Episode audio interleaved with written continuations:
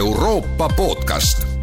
saade valmib koostöös Euroopa raadiote võrgustikuga Euronet pluss, mõista Euroopat paremini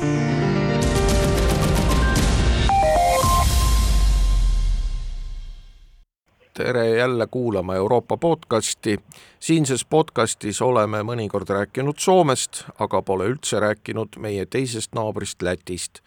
Nüüd on aeg see viga parandada ning kõneleme Läti pinevust tekitavatest uudistest. Telefonil on Lätist politoloog Veiko Spolitis, tere päevast! tere päevast! ja mina olen Erkki Pahovski. no Lätist äh, tuleb äh, päris tihti igasuguseid uudiseid, mis meid, eestlasi, võiks huvitada ja no alustame siiski sellisest suurest poliitikast ja räägime sellest, miks mõni päev tagasi siis Läti peaminister Kristjan Skarins otsustas senise koalitsiooni laiali saata, et Veiko, võib-olla sa siis kirjeldad paari sõnaga, et mis oli Karinsi otsuse taga ja miks Läti valitsuskoalitsioon lagunes?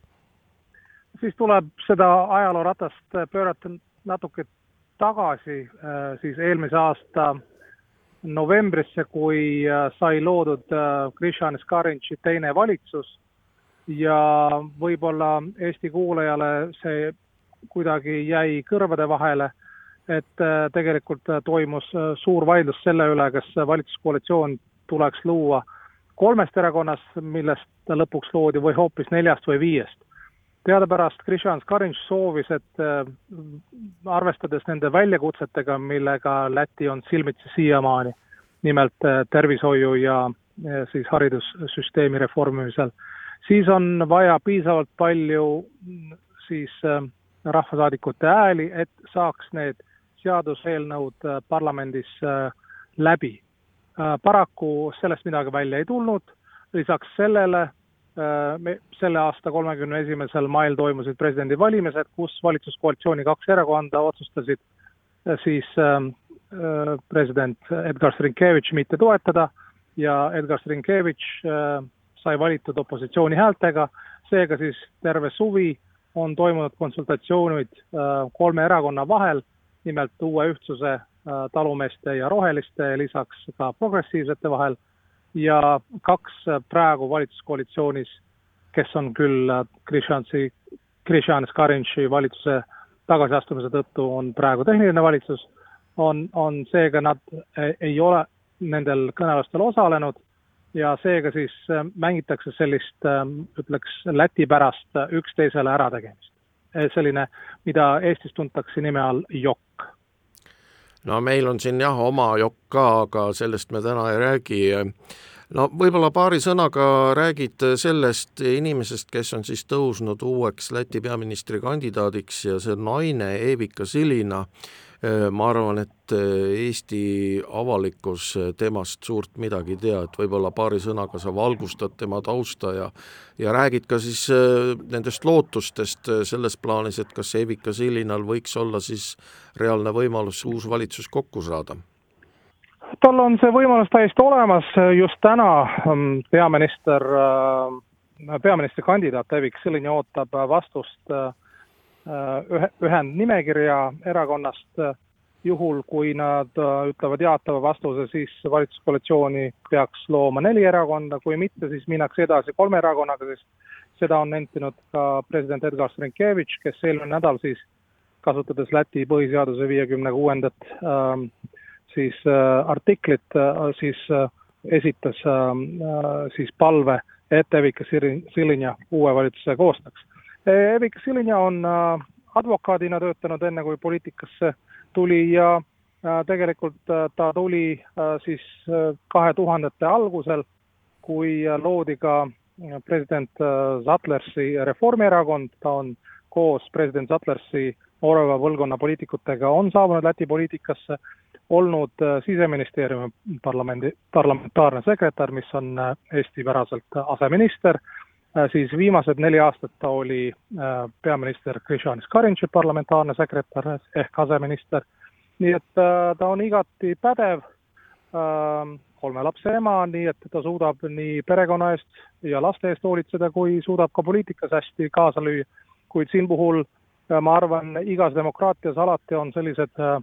etteheited, et näete, seda heaoluministrit, nii nagu Lätis teda ametlikult kutsutakse, Eestis ta oleks sotsiaalminister, et me suurt midagi ei tunne. kuid ega siis ütleme nii, et ei Kaja Kallas kui Andrus Ansip ja teised, enne kui need said peaministriks, neid ka keegi ei tundnud, nii et äh, siin paraku demokraatias ongi nii, et enne kui sa jõuad sinna tippu, äh, sa oled vähem tuntud, äh, kuid need, kes poliitikat vaatlevad ja jälgivad, siis saavad aru, et tegemist on, on noore põlvkonna poliitikuga, kes on piisavalt pädev ja, ja suudab oma asja äh, nagu läbi lüüa ja tema nagu suuremaks ülesandeks on olnud Läti idapiiri väljaehitamine, kus nende äh, siis äh, ütleme nii, et poliitikaprotseduuride raames ja õiguste raames, mis tal parlamentaarse sekretärile oli,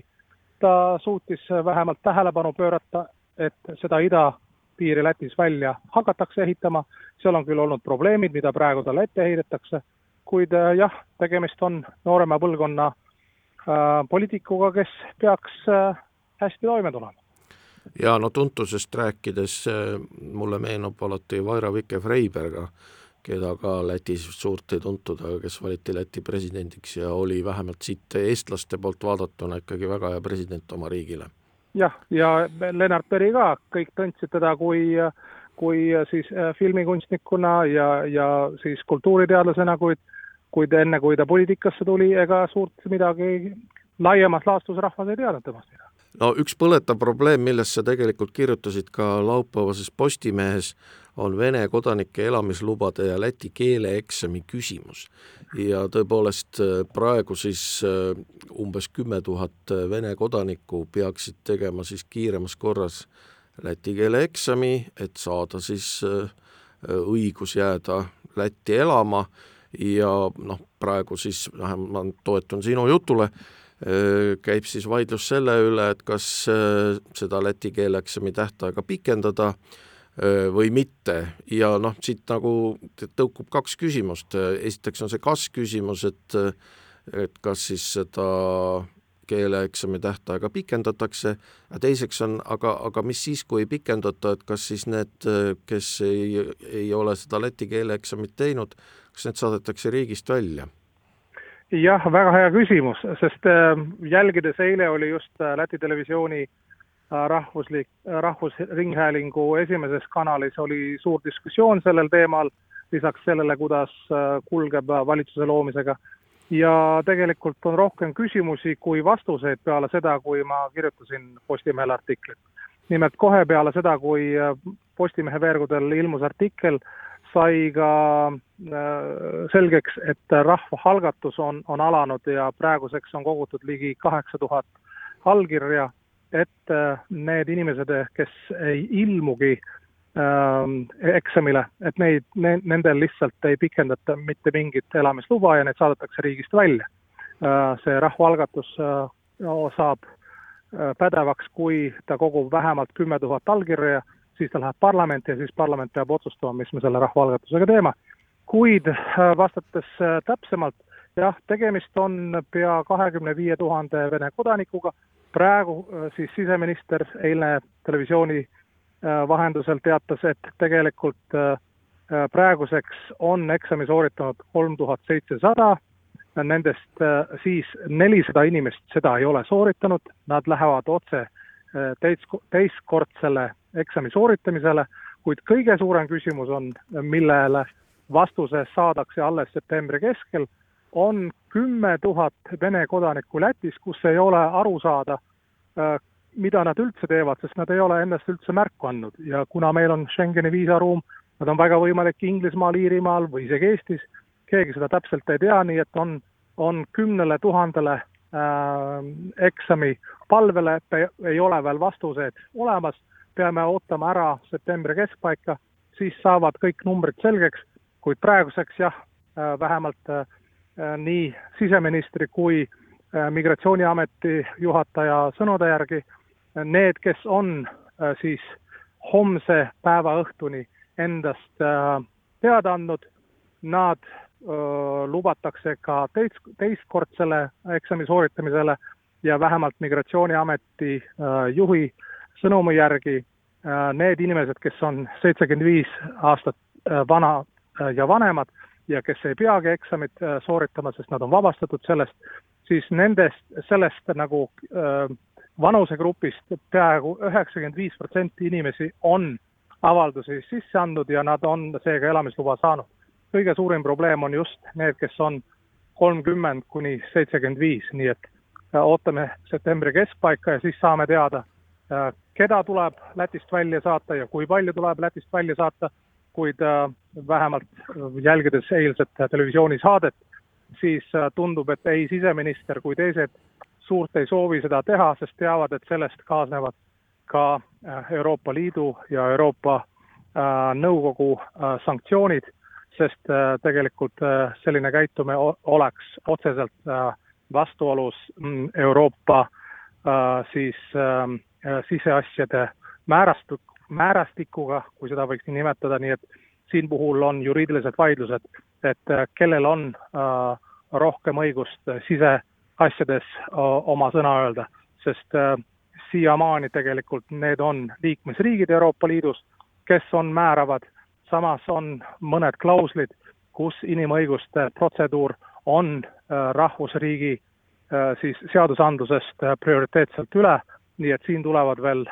juriidilised jagelemised ja tegelikult eilse televisiooni vestluse käigus sai selgeks, et ühelt poolt poliitikud süüdistavad neid, kes kiirustasid selle seadusandluse vastuvõtmisega eelmise parlamendi koosseisus ehk kolmeteistkümne seimi koosseisus ja praegu nad peavad seda nagu lahendama, nii et vaatame. asi on siiamaani põnev, luuakse aga valitsus, nii et ei ole sugugi, sugugi kerge no ma küsin ka sellise küsimuse, kui raske üldse on läti keele eksam, et kas see on mingi elementaarne tase, mida peaks oskama või, või nõutakse seal tõesti väga selliseid nüansse ja ja läti kirjanduse tundmist ja nii edasi ja noh, ma meenutan võib-olla kohe see kõigile ei meenu, aga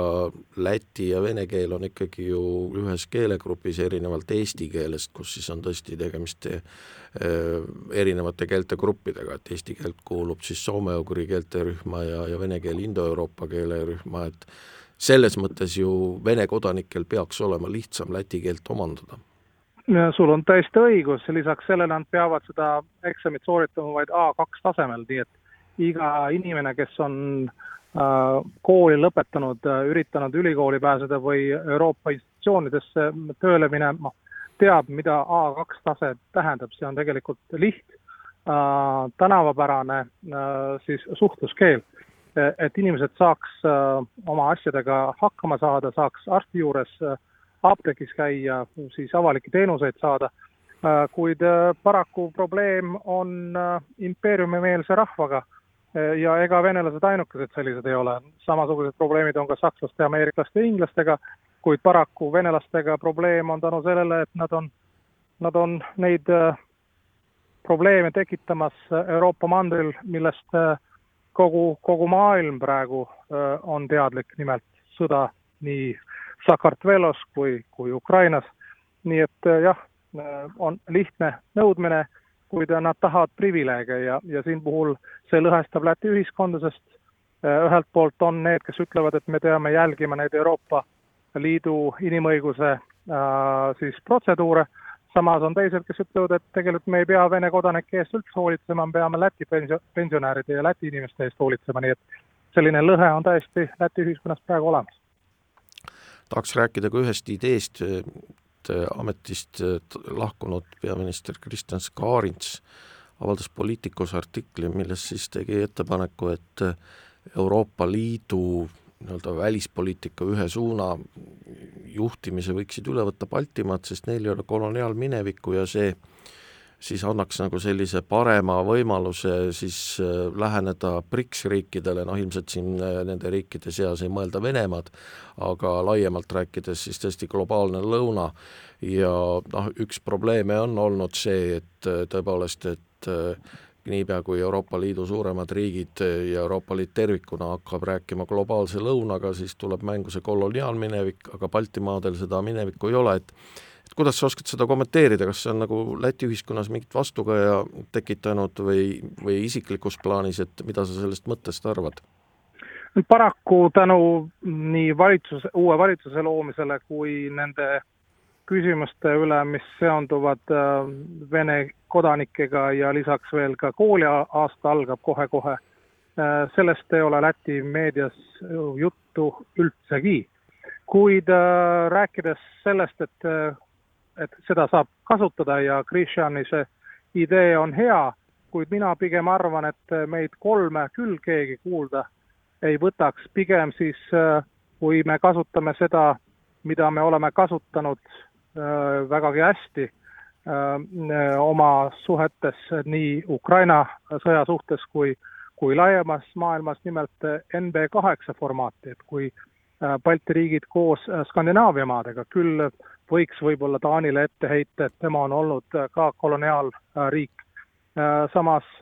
Rootsile võiks seda ette heita, kuid noh, see on regionaalsel tasandil olnud ja see ei ole nagu otseselt mõjunud Aafrika ja Lõuna-Ameerika ja Aasia mandrit äh, ja seega siis äh, NB kaheksa või siis koos Poolaga äh, Visegradi riike hõlmates, see, see oleks küll selline viis, mida võiks Balti riigid hästi, hästi koos, koos nende riikidega teha. üksipäine küll ma kardan, et siin midagi välja ei tule, meil ei ole ei finantsi, ei, meil ei ole ka seda haaret ja lisaks sellele, kui Leedu ja Eesti on ÜRO julgeoleku mitte siis mittealaline. mit,, mitteala, mittealalise liikmena olnud, siis Läti alles pürgib selliseks ja ma ei välista, et Grishani see idee on rohkem olnud just nagu saada mingit kõlapinda sellest, et Läti nagu üritab kaks tuhat kakskümmend seitse siis kandideerida ÜRO Julgeolekunõukogu mittealalise liikmena,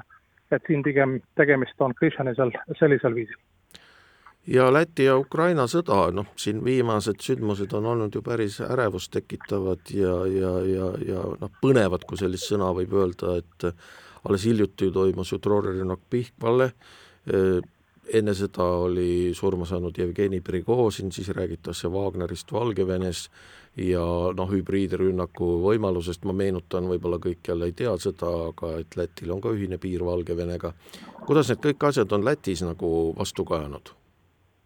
No Ukraina sõja teema on äh, tähelepanu keskmes, täpselt nagu Eestiski, äh, on nii kodanikualgatust kui äh, valitsuse ja presidendi tasemel siis igati abistamist Ukrainale, seda on igapäevaselt tunda, seda on nii Läti Rahvusringhäälingus teada, seda, seda on ka kommertstelevisiooni kanalites, nii nagu Eestis, kus on Eesti kaitsejõudude äh, vastavad ohvitserid on stuudios ja seletavad, äh, kuidas äh, rindel, mis läheb edasi. Lätis on samasugune lugu, nii et äh, jah, paraku see, et mitte ainult meil on kakssada üheksakümmend viis kilomeetrit piiri Venemaaga, meil on lisaks kakssada seitsekümmend viis kilomeetrit ka Valgevenega piiri, nii nagu sa õigesti mainisid, nii et see Valgevene teema on äh, valus Lätis nagu Leedus ja Poolas on ka vastavalt Valgevene opositsiooniliikmed, kes elavad ja kes äh, nõuavad režiimi muutust, nii et see lisab sellist Valgevene teemat Lätis igapäevasesse ellu ja kui rääkida sõjast, noh, ma pakun välja, et sõjast on mitte ainult ukrainlased on väsinud, vaid ka, ka lätlased on väsinud, on jutud selle üle, et kaua me peame veel toetama, sest meil elu on ka kallimaks minemas, inflatsioon on kõrge, elektritariifid tõusevad ja see pahameel on ka olemas, siis seega siis üritavad igasugused, on, on erinevad äh, kodanikugrupid ja organisatsioonid, kes abistavad ukrainlasi, lisaks sellele on ka nüüd need korruptsioonisündmused, kus nii nagu Eestiski leiti, et tegelikult see abi äh, läks kuskile kõrvale või äh, seda müüdi kuskil Ukrainas hoopis maha, nii et kõik see on, on tekitamas diskussioone äh, Ukraina sõja üle, kuid üleüldiselt on arusaam, et kui Ukraina seda ei võida, siis me ei tea, kuhu poole Venemaa äh, edasi vaatab, sest see, et ta on alati oma naaberriikidele vaadanud ja see, me teame, missugune, missuguses olukorras me Balti riigid oleme, see on kõikidel nagu arusaadav. kuid kuidas see nagu laheneb, noh, siiamaani on kuidagiviisi konsensust hoitud, et suudetakse abistada ja nii Eesti kui Läti on kaks äh, riiki, kes on maailma edetabelis esimesel, teisel kohal abi, abistamise kohta, kui arvestada tuhande elaniku kohta, nii et sellega me oleme ja me võime olla vägagi uhked, nii Eesti kui Läti. Aitäh, Veiko Spolitis nende kommentaaride eest, see oli tänane Euroopa podcast, kõike head ja kuulmiseni!